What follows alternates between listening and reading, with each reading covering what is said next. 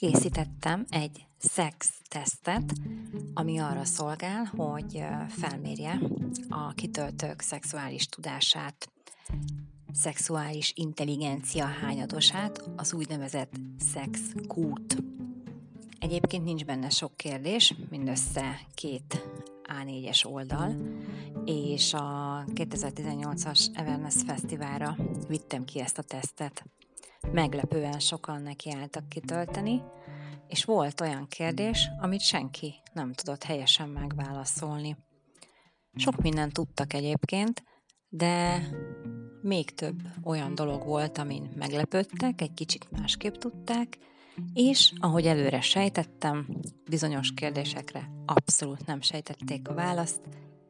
Az egyik a méhnyakrákhoz vezető lelki vagy párkapcsolati háttér. Itt a nagy többség azt írta, hogy trauma.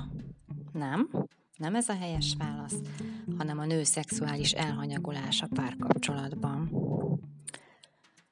Tudom, hogy furcsa, de erre több bizonyítékom is van, hogy ez, ez igaz.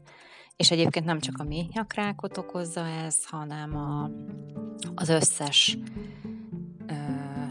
kifejezetten női betegségnek a ö, rákos megbetegedését, tehát legyen az petefészekrák, merrák, stb. Ennyire komoly és súlyos az, hogyha egy nő nem jut szexhez egy párkapcsolatban, hangsúlyozom, ez a párkapcsolatban lévő nőkre jellemző ez az ok. Amikor először kijöttem ezzel az elméletemmel, akkor meglehetősen újszerűnek, megdöbbentőnek, sokkolónak hatott. Például megkerestem egy méhnyakrákkal foglalkozó civil szervezetet, és kértem, hogy publikálják a cikkemet, amelyben leírtam a kettő közötti összefüggést, és konkrét példákkal is alátámasztottam, azonban nem voltak halandók leközölni. Azóta eltelt három év, és néha eszembe jut, hogy hány nő életét menthette volna meg, ha tudják ezt az információt. Volt más is, amit senki nem talált el, de ezen meg se lepődtem. A legtöbb szexuális probléma gyökere kérdésnél odaírtam a felvilágosítás hiányát, tévhitek, öröklött hiedelmek, gátlásosság, ügyetlenség, teljesítménykényszer. Itt rendkívül változatos volt a válaszadás, de szinte senki nem jött rá, hogy a gátlásosság az.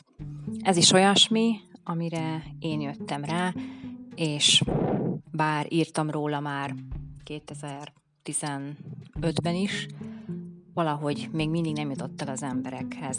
Ezért is csinálok most ilyen hanganyagokat, és teszem elérhetővé a nagy közönség számára, hogy minél, minél többen juthassanak hiteles információhoz egy szexológustól.